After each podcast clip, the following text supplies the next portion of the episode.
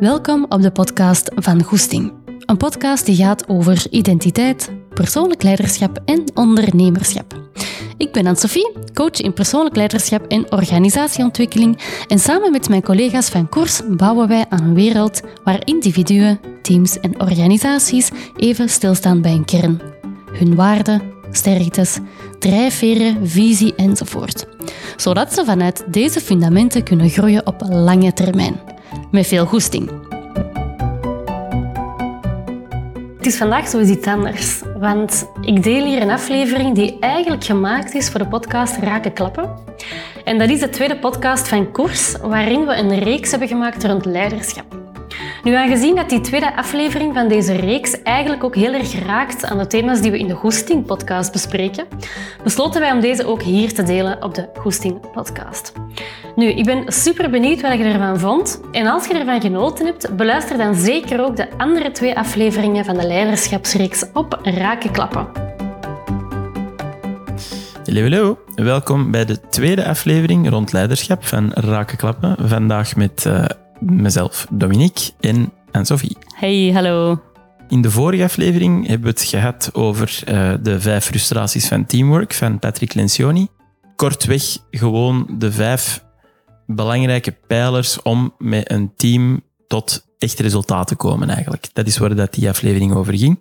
Als je die nog niet geluisterd zou hebben, ga gerust nu luisteren. Niet dat we er per se nu op verder bouwen, maar je gaat soms wel af en toe horen dat we erop terugkomen of even nog iets aanraken dat we daar gezegd hebben. Dus voilà. Ja, en waar dat we vorige keer echt hebben gefocust op het, het stuk um, het team, hè, gaan we vandaag eens kijken naar wie dat jij bent als leider. Um, ook wat dat effect is van wie dat jij als leider bent op je team. En wij gaan ook thema's aanraken die te maken hebben met hoe dat je die rol kunt vervullen, zodat dat voor je ook goed aanvoelt, dat leiderschap. We gaan het een beetje aanpakken als een open gesprek vandaag. Yes. Vanuit uh, ervaring, Dominique, jij werkt veel meer in organisaties en rond teams, terwijl dat ik veel meer werk in één-op-één coaching uh, met leiders. Dus we gaan die twee een beetje samenbrengen vandaag. Goed? Voilà we zien het eigenlijk van twee kanten. Ene keer door de bril van leiders in individuele coaching en anderzijds eigenlijk van invloeden dat we zien van leiders op teams. Ja. Um, toen we dit aan het voorbereiden waren, dan um, hadden we zo een paar dingen genoteerd waar mensen vaak aan ons vragen. Bijvoorbeeld, een vraag die bij ons vaak binnenkomen is... Um, ik wil assertiever worden als leider, bijvoorbeeld. Um, of ik vind dat ik sterker moet worden in mijn rol als leider. Of mijn baas verwacht van mij dat ik een ander soort leiderschap hanteer, enzovoort. Ja, of bijvoorbeeld uh, mijn vernoot ziet geen leiderschap in mij. Uh, dat is ook al heel interessant om naar te kijken, want wat is leiderschap en ja. wat zouden daar dan de criteria van zijn en zo. Ja, en wat je heel hard merkt is dat als mensen met zo'n vragen komen, dat die vaak verwachten um, dat wij ook effectief op die vraag gaan werken uh, om eigenlijk het, de leider te worden die dat je wilt zijn of denkt te willen zijn. Ja? Of denkt te moeten zijn. Dat kan ook wel. Nu, um, helaas is dat niet de aanpak dat wij doen uh, binnen koers, omdat wij er heel erg in geloven dat het zo belangrijk is om het leiderschap eerst te beginnen bij jezelf. En dat je eerst gaat kijken naar wie dat jij zij als persoon, los van dat leiderschap zelf. En dat je van daaruit je rol kunt gaan evalueren ook van, oké, hoe uitziet dat nu in mijn leiderschap? Ja, en drie, hoe pak ik dat nu aan naar de toekomst toe? Hè? Dat is ook een klein beetje de flow van vandaag dat we willen hanteren. Ja. ja? Um, misschien beginnen met het stukje, wie zijt jij als persoon? Allee, jij niet, jij Dominique, maar jij als luisteraar, leider. Daar kunnen we het ook over hebben, maar uh, dat is in andere podcastafleveringen ook al stukjes gebeurd. Dus uh, prima. Uh, ja, hè, dus wie zij als persoon? Um, ja, ik denk dat dat vooral thema's zijn die vooral bij u en Sophie aan bod komen vaak. Um, of de dingen waarop dat je dan eigenlijk begint te werken, hè, dat gaat dan wel degelijk over dingen die eigen zijn aan een persoon. Namelijk, wat zijn uw waarden? wat zijn uw sterktes? Wat zijn dingen die dat je zelf belangrijk vindt? Hoe kunnen die inzetten? Of waar moeten we nog op werken? Hè? Ja, en dat, dat, is een heel zichtbaar stuk van iemand. Hè. Wat, vindt iemand belangrijk? Waar staat iemand voor? En wat zijn de sterktes? Dat is iets wat je ziet. Hè. Bijvoorbeeld, ik kan zien um, dat jij bijvoorbeeld heel goed om kunt met last-minute veranderingen. Of ik kan zien aan u dat jij um, heel open communiceert of goed kunt luisteren of vragen stellen. Hè. Maar er is ook een heel groot onzichtbaar stuk in wie dat we zijn als persoon. En er zijn heel veel dingen dat je de anderen niet van u kunnen zien, maar dat wel in je leven. Ja, en dan is het zelfs interessant, want er zijn sommige dingen dat je misschien zelfs van jezelf nog niet echt ziet. Die dat wij misschien zien, omdat wij veel mensen zien of veel teams zien. Um, maar dus, uh, waar dat leiderschap ook een stuk over gaat, is intentioneel in die rol staan. En wat bedoel ik ermee? Er ook met een bepaalde intentie in zitten in die rol. En als je het dan hebt over waardes, ja, dan is het dus heel belangrijk om die wel eerst te benoemen, om daar dan ook heel intentioneel mee aan de slag te kunnen gaan in uw rol. Dus uh, voilà, het is, het is zelfs niet zo dat iemand dat bij ons komt per definitie al weet wat zijn mijn waarden of wat vind, ik, belangrijk. Dat komen we dan wel te weten. Ja, de meeste mensen weten dat ergens wel, of, of, maar het gaat veel meer over het verschil tussen het ergens weten onbewust en daar ook misschien hier en daar wel al naar handelen, tegenover, oké, ik ben dat gaan onderzoeken, ik heb dat helder gemaakt. Ik heb dat een keer op papier gezet. Ik heb eens uitgeschreven wat dat voor mij betekent. Dan, gaat je eigenlijk van een onbewust naar een bewust proces. En dan kun je dat ook echt gaan inzetten. En dat is het grote verschil. Dat is met sterktes ook zo. Hè. Um, heel veel. Eh, je weet waarschijnlijk wel aan een groot deel waar dat je misschien wel goed in bent, waar dat je misschien wel het verschil in kunt maken. Maar het gaat er soms ook over dat je de dingen leert benoemen die daar recht voor je neus staan. En we zien daar bijvoorbeeld dat heel veel mensen um, heel erg focussen op bepaalde dingen dat ze niet hebben. En op die manier gaan vergeten of niet, niet genoeg gaan kijken naar wat ze wel hebben. En dat is superbelangrijk, ook in het leiderschap. Ga vooral kijken naar wat er al is in u. Ga kijken naar, oké, welke sterktes heb ik al? En ga die gaan versterken en ga die voor jezelf ook nog verder gaan uitwerken. Ja, en ik denk dat daar de, de, de essentie vooral van is dat je in leiderschap niet moet proberen worden wie dat je denkt dat je moet zijn. Hè?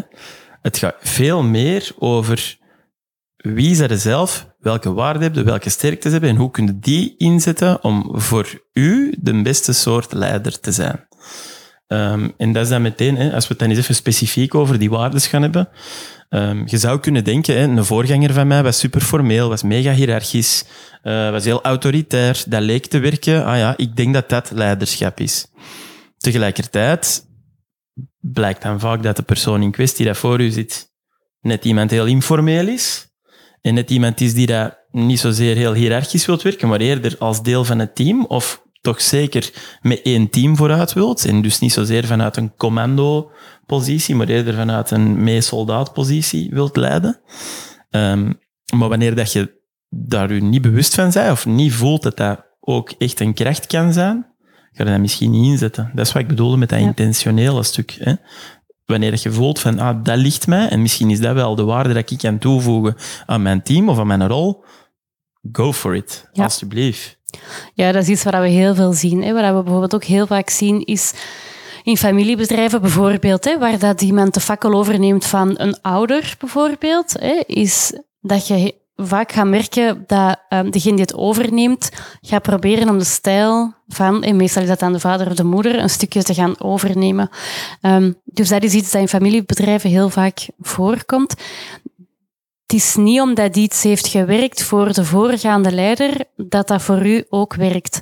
En dat kan heel goed zijn dat de vorige stijl wel werkte voor het team, maar ga dan kijken voor jezelf ook, oké, wat is mijn stijl, wat is, wie ben ik en, en wat is mijn manier van werken en hoe kan ik dat in balans brengen met wat er al is of wat er al was. Ja, voilà. En um, ja, nu vallen we zo misschien terug op zo'n een, een credo. Het enige dat je kunt zijn is jezelf. Maar ook hier geldt dat weer. Want hoe authentiek gaat dat nu overkomen wanneer dat je eigenlijk gewoon de vorige leider, in dit geval dan, um, gaat nadoen? Of ook hoe sterk ga je dat ook echt kunnen doen als dat niet echt in je aard ligt. Dan gaat je heel makkelijk vervallen in, ja, moet ik het zeggen, eh, een soort van uh, versie van die vorige leider bijvoorbeeld of zo. Dat is nu een extreem geval, hè? Ja, dat. En uh, dat kan een, een, een um, reactie daarop zijn, dat dat wat karikaturaal gaat worden en, en minder authentiek. Maar het het gaat er waarschijnlijk ook gewoon voor zorgen dat je heel veel energie verliest. En dat je ook wel wat motivatie verliest. Dat je misschien ook wel wat onzekerheid gaat krijgen. Omdat je eigenlijk heel de tijd het gevoel hebt dat je iemand zijt die dat je eigenlijk niet zijt. En dat kost ons heel veel energie. Ja. Ik, had vandaag nog iemand in een sessie die dat letterlijk zei van ja, ik dan wat toneeltjes spelen. Hmm. Ja, dat zegt veel, hè. Dus voilà. Ehm, Misschien is dat nog wel een goeie. Stel dat je um, iemand zei die ook een, een, team leidt en je luistert deze aflevering vandaag. Ga eens kijken bij jezelf in welke mate heb ik soms de indruk dat ik toneel speel. Of dat ik een rol speel dat ik niet ben. Of blijf ik dicht bij mezelf. Hm? Ja. Even goed in sterktes. Hè? Want we hebben het nu al over waardes gehad. Maar als we het dan over sterktes hebben, um, is er iemand die dat gemakkelijk voor een groep spreekt? Ja, zij dan die een inspirerende leider die dat af en toe zijn team toespreekt. Zet iemand die dat keigoed is in structuren zetten, zorg er dan voor dat je team zich nooit zorgen moet maken over structuur. Uh, maar zet vooral die krachten in op een manier die dat het team en het doel van het team zo goed mogelijk dienen. Ik heb er eigenlijk een, goed een persoonlijk voorbeeld van. Toen ik in mijn vorig werk uh, zat, Um, ik was toen ook nog vrij jong, dat ik uh, toen een, een, ik deed recrutering en ik moest een leidinggevende rol uh, opnemen, maar eigenlijk was ik zelf nog maar twee jaar van de schoolbanken, totaal niet klaar. En um, omdat ik eigenlijk niet wist hoe dat ik dat moest doen, ben ik gewoon gaan volgen wat dat mijn baas deed qua stijl. Maar wij konden niet verder uit elkaar zitten van persoonlijkheid en, en leiderschapsstijl. En op zich is daar niks mis mee om, om totaal anders te zijn, daar niet van. Maar ik probeerde eigenlijk te doen wat hij deed. Ja, dat is dus daar valikant misgelopen. Al zien, dat zorgde voor heel veel frustratie bij mij. Ik was ook mijn eigen, ik verloor mijn eigen ook wel echt. Um, ja, want aan zich deed het wel. Maar hoe dat je thuis kwam en ook op welke manier dat je op de deur in die job stond, ja. dat was wel heel merkbaar dat dat absoluut niet uw dat was, om het zo te zeggen. Ja. ja. Um, en dat, dat brengt mij ineens tot een ander voorbeeld. Van ja, als je bijvoorbeeld ook, hè, want we, we, ik heb het nu gehad over dingen, over heel, uh, bijvoorbeeld extraverte eigenschappen, maar bijvoorbeeld, als je nu een leider bent met of iemand zegt gewoon, hè, zelfs geen leider, gewoon iemand zegt met heel goed voelsprieten, die heel goed aanvoelt, hoe dat mensen zich voelen, hoe dat mensen erin staan, of dat mensen wel mee zijn enzovoort. Zet dat dan alsjeblieft ook in voor te kijken van oké, en hoe moeten we dan vooruit als je niet mee bent? Hè? Um, het gaat echt niet altijd over die, um, die gedoodverfde eigenschappen dat een leider zou moeten zijn. Goed sturend en resoluut en dat soort dingen. Dat is mooi meegenomen, maar dat is bij lange na niet de enige manier waarop dat je een goede leider kunt zijn. Is dat ook niet een beetje de traditionele perceptie van leiderschap? Dat, klopt. dat, is, beetje ook wel een beeld dat heel veel mensen zich naar blijven richten. Dat is ook het beeld dat het vaakste nog in films en in series en zo wordt neergezet als het archetype leider. Oké, okay. dat archetype leider, kun je dat beschrijven? Dat is een beetje het resultaatsgerichte leiderschap, hè? Ja, om, om het dan echt op flessen te trekken, hè, echt de legergeneraal. Echt uh, één iemand aan de, aan de kop die dat in een richting wijst en zegt, jij dat, jij dat, jij dat. Hè. Ook goed is in die sturende rol oppakken, in resoluut zijn over een mening. Dat is echt zo dat oeroud archetype van een leider. Mm ik weet dat dat stereotypisch is, hè, voor de duidelijkheid. maar toch, waarom zijn er stereotypes? Omdat er waarheid in zit. Mhm. Of clichés. En waarom zijn er clichés? Omdat die vaak ook waar zijn. Ik merk dat eigenlijk ook wel in, uh, omdat je dat nu zegt van uh, de archetypen. Hè. Ik merk dat heel vaak in één op één sessies dat mensen zeggen van ik moet veel meer sturend zijn, ik moet resoluter zijn. Uh, en heel vaak gaat dat over dat leiderschap wat je nu net benoemd hebt. Voilà. En dat wil niet zeggen dat dat automatisch in hun register zit, dat dat automatisch in hun zit om dat soort dingen te nee, doen. Nee, absoluut dat wil niet. zeggen dat ze dat niet op één manier, op een of andere manier gaan moeten benaderen of soms wel gaan moeten doen. Dat wil dat niet zeggen, want ja, hoort er soms bij. Maar zo hoort er even goed bij om soms empathisch te zijn als leider. Hoort er even goed bij om soms heel gestructureerd en doelgericht te zijn als leider. Hoort Mhm. er soms bij om heel logisch te zijn. Ja, dat is nu eenmaal de 360 graden van leiderschap, waar dat wij ook Mhm. vaak op werken. Mhm. Ehm, maar het startpunt is altijd, wat zit er in mij? Waar word ik warm van? Waar kan ik echt waarde in bijdragen? Daar start het bij. Ja. En dat is denk ik ook de main takeaway van dit stuk. Klopt. Nu, ehm, er zijn ook verschillende rollen dat je als leider kunt aannemen. Je hebt ehm, twee algemene rollen, zeg maar. De rol van leider en de rol van specialist. Ja, eh, het idee daar is eigenlijk dat je in je achterhoofd moet houden als leider dat je eigenlijk altijd die twee op een manier met elkaar moet combineren. Hè. Zij de 100% specialist, of laat ons zeggen vanaf 70% of meer, ja, dan gaat dat overslagen in. Dan zit je eigenlijk in de race met het idee dat je nog steeds de slimste moet zijn, het meeste van de inhoud van de job moet kennen, ehm, nog steeds het beste de job zelf moet kunnen doen. Hè? Mhm. Waarom zeg ik dit? Omdat ook heel veel mensen vanuit een specialistrol gepromoveerd worden naar leider of naar manager. En op zich is daar helemaal niks mis mee, want goed werk moet beloond worden of mag beloond worden. Alleen is de vraag in hoeverre is dat ook echt een cadeau voor de persoon die dat gepromoveerd wordt. En wat bedoel ik daarmee? Natuurlijk zal hij dat graag doen, maar in hoeverre heeft hij ook in zijn hoofd dat hij naast die specialistrol ook nu een soort van verantwoordelijkheid krijgt voor een groep mensen. En dan hebben we het ineens over dat tweede luik. Je hebt enerzijds dat specialistenluik, maar anderzijds heb je dat leiderluik. En daar gaat het echt over. Hoe zorg ik ervoor dat de mensen in die team het resultaat halen? Dus de leiderrol gaat echt, ik kan dat nog eens zeggen, over niet zelf resultaat boeken, maar ervoor zorgen dat de mensen in het team het resultaat zo goed mogelijk kunnen boeken. En dat is altijd een spreidstand dat ging gaan staan tussen de rol van leider, uw team faciliteren, en de rol van specialist, zelf resultaten halen. De Moradine spreekt heel vaak over de analogie van een moestuin.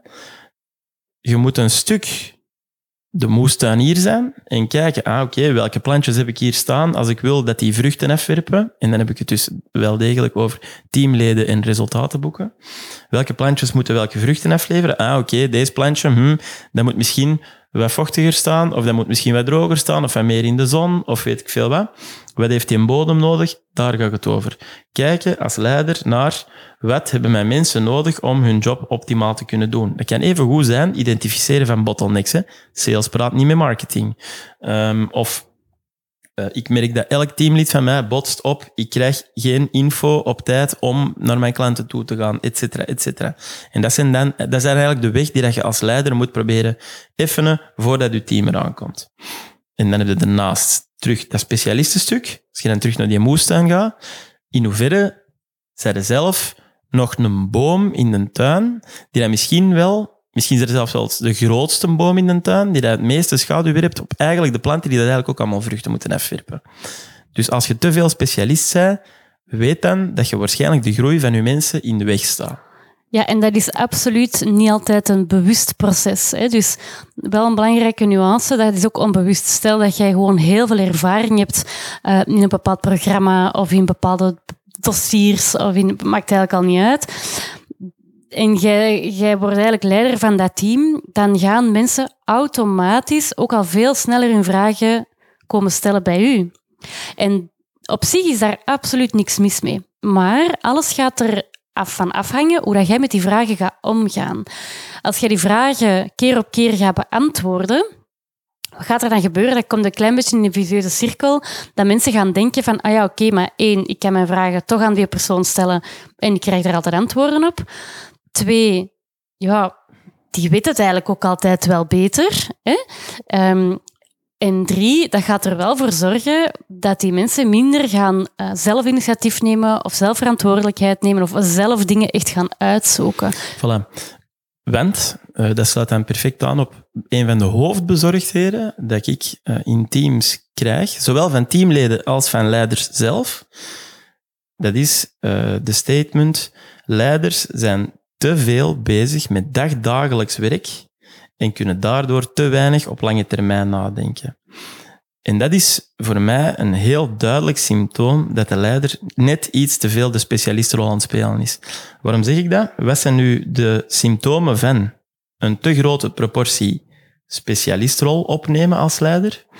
Eén, hè, zoals Sophie net zei, dat teamleden eigenlijk op continue basis dezelfde vragen aan u blijven stellen en eigenlijk gewoon van u een antwoord verwachten om dan verder te kunnen, gaat soms letterlijk over, zeg, uh, die klant heeft dit gezegd, wat moet ik nu zeggen? Hè? Daarover gaat dat, hè, aan de telefoon dan bijvoorbeeld. Hè. Wat zijn nog van die symptomen? Um, dat je eigenlijk het idee hebt als manager van een team dat wanneer dat je niet zei, lees wanneer dat werk gedaan is voor de dag, of wanneer je op vakantie bent, of op weekend bent, weet ik veel wat, dat je eigenlijk niet weg kunt zijn, want dat het team niet verder kan zonder u. Wanneer dat je het gevoel hebt dat je te onvervangbaar bent voor je team, dan is de kans heel groot dat je een te grote specialistenrol opneemt. En dat je team uw brein gebruikt in plaats dat van zichzelf. Als dat herkenbaar is, denk dan voor jezelf, is goed na in hoeverre is het soms niet mijn eigen schuld dat mensen mij blijven contacteren voor dingen, want blijf ik die gewoon een antwoord geven? Of kou ik te veel dingen voor, voor die mensen, zodat ze eigenlijk nooit ertoe komen om zelf na te denken over waar moet ik op werken, waar moet ik mee aan de slag? Ja, en dan kom ik eigenlijk tot iets waar heel regelmatig in sessies terugkomt, is dat mensen bijvoorbeeld zeggen van, maar mijn team heeft geen ownership. En ik zeg zeker niet dat dat altijd zo is, maar in, in zeker 70% van de gevallen is dit daar wel een reden van. Belangrijk, het gaat hier echt niet over goed of fout. We zijn hier vooral om wat dingen bloot te leggen, om wat dingen mee te geven, om wat ervaringen mee te geven. Dus probeer naar jezelf ook gewoon echt te kijken, objectief, van oké, resoneert deze of niet? En wat kan ik daar dan mee gaan doen? Voilà, de eerste vraag die je moet stellen is, als mijn team zegt dat ze geen ownership hebben, of beter, als je zegt mijn team heeft geen ownership, moet u vragen in hoeverre geef ik ze verantwoordelijkheid om eindbeslissingen te nemen in dingen. Ja, en dat gaat over autonomie. Hè? Eigenlijk heb je drie uh, dingen die dat mensen heel belangrijk vinden om intrinsiek gemotiveerd te worden en dus ook ownership te kunnen pakken. Dat is enerzijds autonomie, zoals je zo net benoemde. Het tweede is verbondenheid verbondenheid met het team en de organisatie. En daar gaat eigenlijk de vorige aflevering over. dus zeker beluisteren. En de derde uh, dat mensen echt belangrijk vinden is competentie. En competentie gaat over in welke mate denk ik hier eigenlijk mijn sterktes aan het inzetten en de dingen waar ik energie van krijg. Dus eigenlijk als je die drie, als je op die drie dingen kunt werken met je team, dan gaat je veel meer je team op een intrinsieke manier kunnen gaan motiveren. Ja, en ik kan er een klein voorbeeldje van geven. Um, ja, zoals sommigen van jullie weten, ik heb ook een voorgeschiedenis uh, bij een multinational.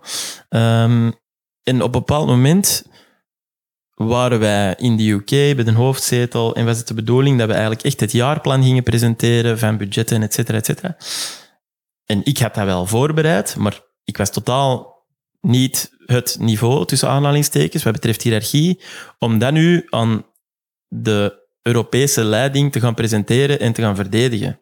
Tot we de zaal instappen en de, de country head letterlijk tegen mij zei, je dat voorbereid? Doe jij het maar. Ja, dat was heftig, hè? Want dat is heel spannend, maar tegelijkertijd, tegelijkertijd geeft u dat wel alle dingen die dat we net besproken hebben. Dus zet u dat wel even in een heel spannend hoekje, daar niet van. Maar tegelijkertijd geeft dat u ook wel de kans om te groeien, maar ook om gewoon te tonen. Ik heb zelf nagedacht en ik ga ook on my feet moeten nadenken, want er gaan vragen komen, et cetera. Maar dat toont dat vertrouwen en dat is belangrijk. Oké, en als ik daar heel even op mag inspelen, als die persoon dat heeft gezegd, hoe, hoe heb jij dan gereageerd? Uh.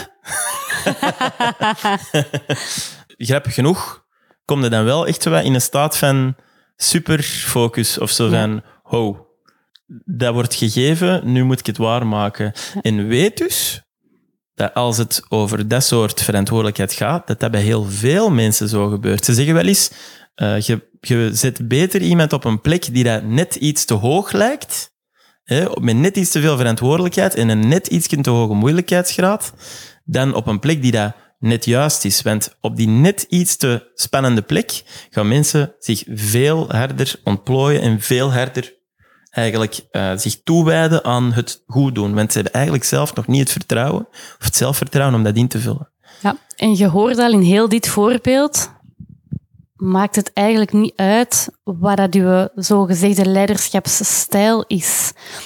Want wie dat je ook zij als persoon, dit zijn dingen, die dingen die we, waar het, dat we het nu over hebben, dat gaat niet over wie dat je als persoon, dat gaat eerder over een visie rond leiderschap en weten wat uw rol is als leider. Ja, en eigenlijk misschien ronduit goed af. Uw rol als leider is soms uw eigen specialist los te laten en anderen in staat stellen om specialist te worden. Oké, eh, we hebben het nu gehad hè, over u als persoon. Wat zijn uw waarden, wat zijn uw sterktes? Daarnaast hebben we het gehad over uw rol. Zijn een leider of zijn een specialist? En wat is de verhouding tussen die twee? Hè? En nu gaan we het even hebben over wat zijn de voorkeuren van u als persoon om binnen die rol eigenlijk te gaan uiten. En wat bedoel ik ermee? Iedereen heeft voorkeuren. We noemen dat uh, voorkeurscommunicatie bijvoorbeeld. Op welke manier worden graag aangesproken. Maar even goed, met wat voor soort dingen zijn je graag bezig? Hè? Uh, er kunnen we eigenlijk vier soorten in onderscheiden. Ja, en werkethiek is ook in. Hoe werkt jij het liefste? Ja, voilà. De manier van werken. Dat is uw voorkeur. Ja. ja. Sorry. Same, same, but different. um, en dan kun je eigenlijk vier verschillende groepen identificeren. Wilt dat zeggen dat dat de enigste vier zijn? Absoluut niet. Wilt dat zeggen dat je er maar ene bent? Ook absoluut niet. Maar dat zijn wel vier hoofdstromingen die dat wij heel vaak zien. Um, dat kan zijn dat je je ook wel vindt in meerdere. Hè? Dus... Ja, vanaf dat er twee overlappen of dat je er gewoon twee hebt, maakt niet uit. Ja. Um, pak mee wat herkenbaar is, ik zou het zo zeggen. Um, als eerste heb je visionair leiderschap. Hè? Dat is een voorkeur voor, hoe dat we dat in het Engels noemen, big picture thinking. Hè? Helikopterzicht. Kijken, welke delen zijn er hier in de organisatie of in mijn team of in het project? Hoe interageren die met elkaar? Wat kan er aan toegevoegd worden? Uh, dat gaat even goed over uh, heel uh, toekomstgericht nadenken over, oké, waar moeten we naartoe? Strategie, visie, dat soort dingen. Hè? Ja, er zijn ook wel vaak mensen die daar heel veel positieve energie kunnen meepakken, omdat die gewoon toekoor veel heel optimistisch zijn, vaak positief, energiek, goed kunnen motiveren, goed kunnen overtuigen. Hè? Dus dat is ook wel heel typisch hieraan. Hè? Ook heel vaak lijm van een team, in de zin van, dat zijn ook mensen die eigenlijk heel graag ook gewoon plezier hebben in hun job. Hè? Wat dat ook maakt, dat die gemakkelijk vertrouwen krijgen van de mensen waarmee dat ze werken. Nu, waarom zijn we deze allemaal aan het zeggen? Dat, is, dat klinkt allemaal als heel sterk. Tegelijkertijd heeft dat ook een aantal valkuilen. Hè? Namelijk, als je heel visionair en heel toekomstgericht aan het denken bent, dan is er wel degelijk een kans dat je misschien niet zo hard bezig bent met de dagelijkse of de praktische beslommeringen van je ideeën. Dus dat je niet bezig bent met, ah ja, maar is dit ook praktisch haalbaar? Is hmm. dit op korte termijn haalbaar? Uh, valt dat uit te voeren? Wat kost dat? Hoeveel mensen zijn ervoor nodig? Etcetera. wil niet zeggen dat dat niet belangrijk is, maar dat wil wel zeggen dat dat bij andere soorten mensen, daar zullen we het straks over hebben, misschien wel ergernissen kan op uitwekken of kan, kan lijken dat je eigenlijk niet voorbereid bent of dat je eigenlijk altijd, uh, om het in het Engels te zeggen, uh, that you're always winging it, dat je altijd maar aan het zien bent van, oh ja, oké, maar we zien wel wat er komt en we gaan dan wel verder. Dat is daar wel een valkuil van. En dat is ook meteen waarom dat, als je dat soort leider bent, dat mensen u tot op bepaalde hoogte volgen, maar vanaf een bepaald punt ook wel verwachten dat de ideeën en de concepten ook concreet kunnen worden. Hm? Ja, en dan komen we, als we dat dan gaan bekijken, omdat je zegt van ja, soms missen die wat praktische energie en wat down to earth, van oké, hoe pakken we deze nu aan? Dan zal ik ineens een brug maken naar het beheersmatige leiderschap. Dat staat er eigenlijk tegenover. Dus waar dat het visionaire leiderschap veel meer gaat over grote lijnen en uitzoomen en big picture, gaat het beheersmatige veel meer over oké, allemaal goed, hoe pakken we het aan? Tegen wanneer? Wat zijn de afspraken? Wat is de planning? Um, en dat zorgt, dat zijn vaak mensen die daar heel veel uh, structuur brengen, helderheid brengen, heel goed zijn in, in planningen. Dus die kunnen er wel voor zorgen dat mensen heel goed weten waaraan en waaraf. En dat geeft voor heel veel mensen wel een hele mooie houvast.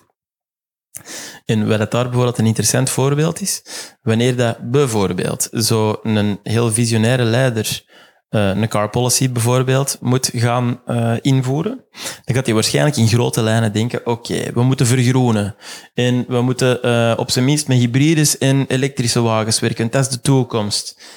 daarnaast moeten we maar maximum drie categorieën hebben. Dat is, dat is niet te belangrijk dat we er twaalf hebben en dat iedereen heel specifiek iets krijgt. Nee, drie categorieën, opnieuw grote lijnen. Hè? En dat kan op zich een goed plan zijn wanneer dat die car policy voorgesteld wordt aan bijvoorbeeld mensen hè, met een overwegend beheersgerichte insteek, dan gaan er ineens een hele hoop detailvragen komen, waar dat allicht van tevoren niet op nagedacht is, maar dat is ook geen probleem, want die visionaire leider die denkt gewoon, we tackelen de problemen als we ze tegenkomen. Terwijl dat die tegenovergestelde partij net gaat denken, hier is niet over nagedacht, want ik heb een vraag en er is geen antwoord hoorde waar hier het, de, de, de speling zit. Want geen van beide partijen zit er met slechte intentie in, maar die hebben gewoon andere verwachtingen van wat een goed plan is. En daardoor kun je dus heel gemakkelijk in organisaties mensen hebben die dat over gelijk welk plan zeggen, hier is niet over nagedacht. Omdat die gewoon zelf veel detailistischer ingesteld zijn dan anderen. En die anderen die denken dan weer, we'll deal with it wanneer het probleem op ons pad komt. Dus dat is daar zo een voorbeeld van, van hoe dat je in organisaties eigenlijk fricties kunt krijgen die dan niet per se intentioneel, uh, die dan niet per se in hand gewerkt zijn geweest of zo. Wanneer is dat een frictie? Als dit niet duidelijk is hoe dat mensen in elkaar zitten. Maar als dat wel duidelijk is en je weet, voilà, ik als leider bijvoorbeeld, ik zit zo ineen en mijn team zit misschien zo ineen, dan kun je die frictie tackelen door ook je leiderschap te gaan, um, te gaan anticiperen bijvoorbeeld. En dat je gaat kijken van oké, ik ben veel meer de grote lijnen, mijn collega is veel meer van het planmatige of gestructureerde stuk. Oké, laat u dan ondersteunen door die persoon bijvoorbeeld, waardoor dat je een, een gedragen leiderschap gaat krijgen. Dus dat is het ding. Het gaat hier eigenlijk over puur bewustwording. Want frictie ontstaat wanneer dat er geen bewustwording is over iets. Vanaf dat je dat weet van elkaar, kun je daar iets aan doen en kun je daar gewoon rond werken als een team. En kun je wel anticiperen op mogelijke fricties. Voilà. En ook daar kan ik een heel persoonlijk voorbeeld geven. Um, ik weet dat ik iemand ben die dat overwegend dat big picture thinking uh, heeft ik ben op een bepaald moment verantwoordelijk gesteld voor een redelijk groot project met een redelijk groot team. En ik voelde aan alles van, oei, als ik in die details ga moeten duiken en als ik ervoor ga moeten zorgen dat het grote plan naar de uitvoering gaat, dan gaat dat mij echt veel stress bezorgen, één. En ik weet niet of dat, op de beste manier gaat gebeuren. Dus ik ben echt op zoek gegaan naar iemand om mijn team te versterken die dat letterlijk dat stuk kon. En dat is dus wel een, uh, een zegen geweest, om zo te zeggen. Ja, daar spreekt je nog altijd over. Ja. over die persoon. you know who you are. um, nog eens heel even kort over dat beheersmatige leiderschap. Als je daar soms in overbelast gaat, als beheersmatige leider, dan kan dat er wel soms voor zorgen dat je misschien wat te veel focust op um, de output of te veel focust op bepaalde details of te veel focust op een bepaalde planning, daar wat te rigide in wordt, waardoor dat, je, um, dat er soms wat te weinig eh, voortgang of efficiëntie is. Dus dat is wel even nog een belangrijke om, uh, om mee te geven. Tegelijkertijd, wat gaat er heel goed gaan met iemand die heel beheersgericht erin zit? Uh, voorbereidingen van dingen, ja. planningen, de structuur zetten, dat gaat allemaal zeer goed zijn. Alleen gaat het dan weer over die daadwerkelijke uitvoering van de plannen. En daar kan dan weer een frictie komen met het volgende niveau. En dan hebben we het over resultaatgericht leiderschap. Hm? Daar hebben we het er juist ook al even over gehad, hè? Op het begin. Ja. Want wat is resultaatgericht leiderschap? Nee, wat is een resultaatgerichte mindset? Uh, dat is echt... Mindset. mindset. Een resultaatgerichte mindset is eigenlijk gewoon bezig zijn met, oké, welke problemen liggen er voor onze neus? Hoe pakken we die aan? Hoe kunnen we verder komen naar het doel dat we voor ogen hebben? Hm?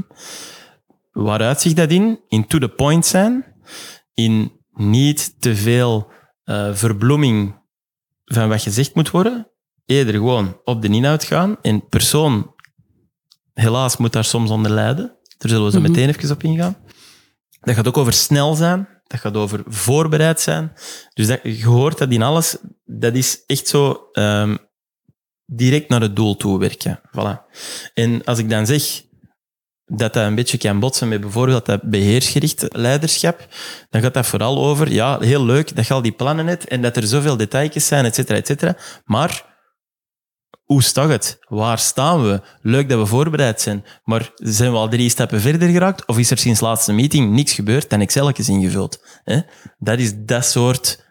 Dat is dat soort... Uh, dat zijn uitspraken dat we dan horen, hè? Ja, Op zo'n momenten. Ja. Belangrijk om mee te geven is het um, resultaatgerichte leiderschap. Wat daar gewoon belangrijk is, zij maken een onderscheid tussen inhoud en emotie.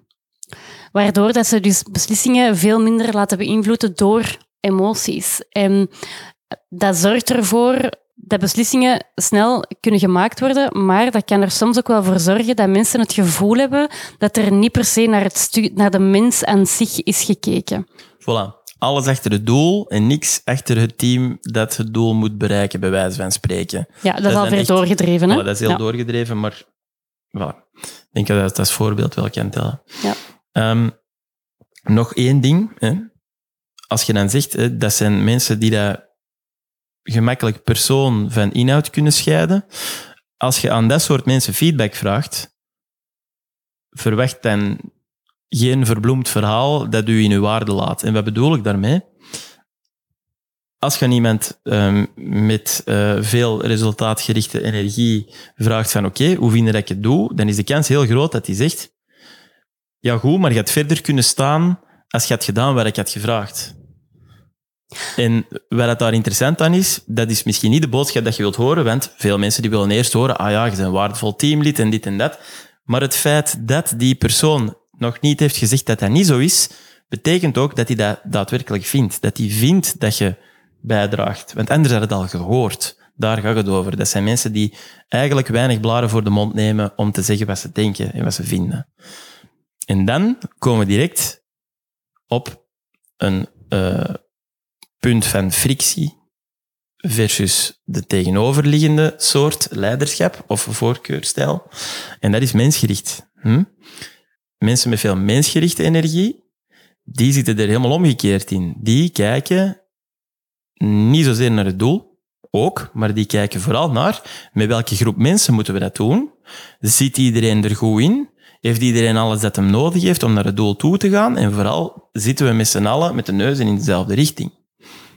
En je hoort dan al direct, ja, dat kan zijn. En het zou goed kunnen dat die tien jaar lang dat aan het doen zijn, maar dat het doel eigenlijk nog altijd even ver ligt. Dus daarom hebben die ook weer hè, die, uh, die taakgerichte energie nodig. Hè. Eigenlijk, ze hebben allemaal elkaar nodig. Hè. Want een leider die kan zeggen, een leider met veel taakgerichte energie of beheer, uh, taakgerichte energie, die kan zeggen, we moeten naar Ginder en die gaat een kwartier later Ginder staan, maar als hij zich omdraait, weet hij eigenlijk niet of dat zijn team er staat. Hm?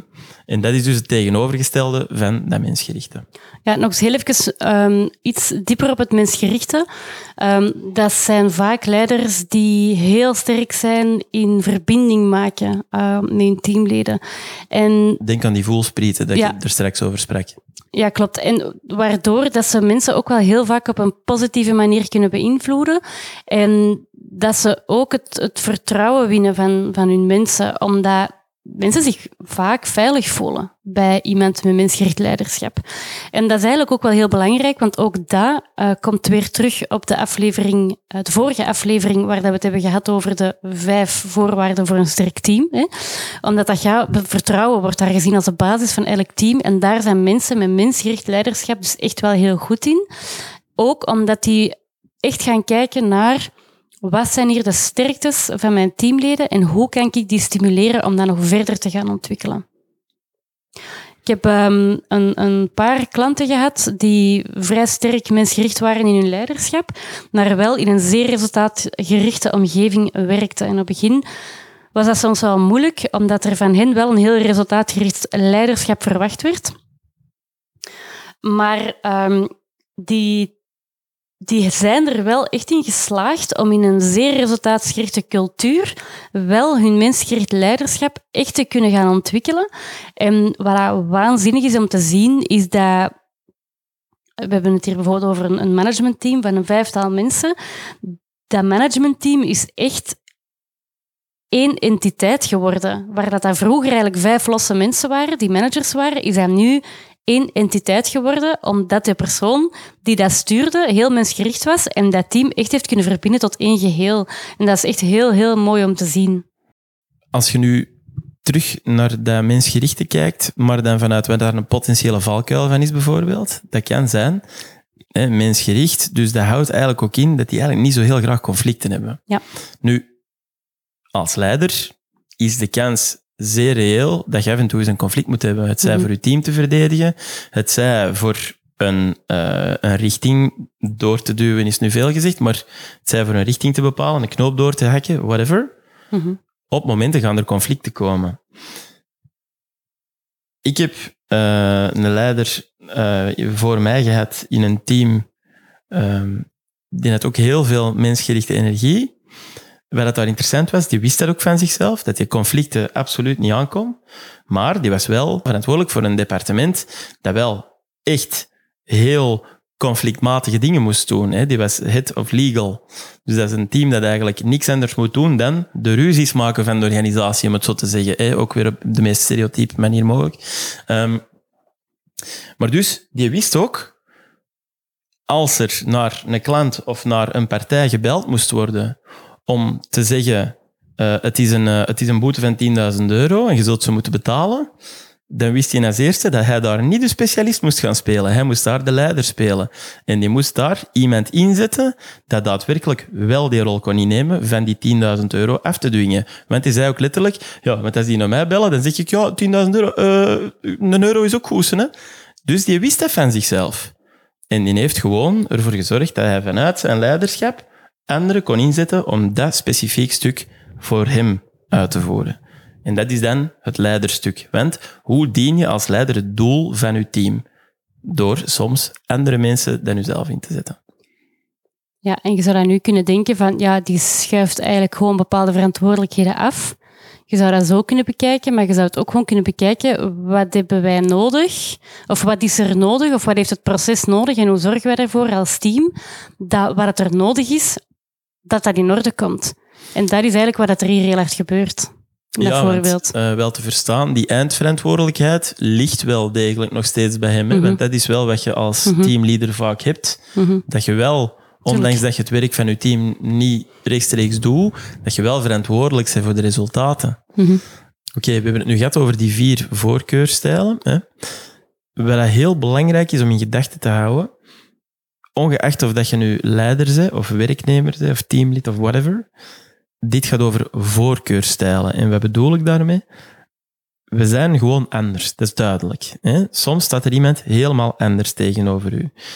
Daarom is het heel belangrijk om te kijken naar de intentie van de persoon dat tegenover u staat en wat hij zegt of wat hij vraagt aan u. En dan te gaan kijken door welke bril kijkt hij naar mij. Idealiter uh, weet je dus wat voor voorkeur dat die persoon heeft, maar probeer altijd naar die intentie te kijken. En waarom zeg ik dat?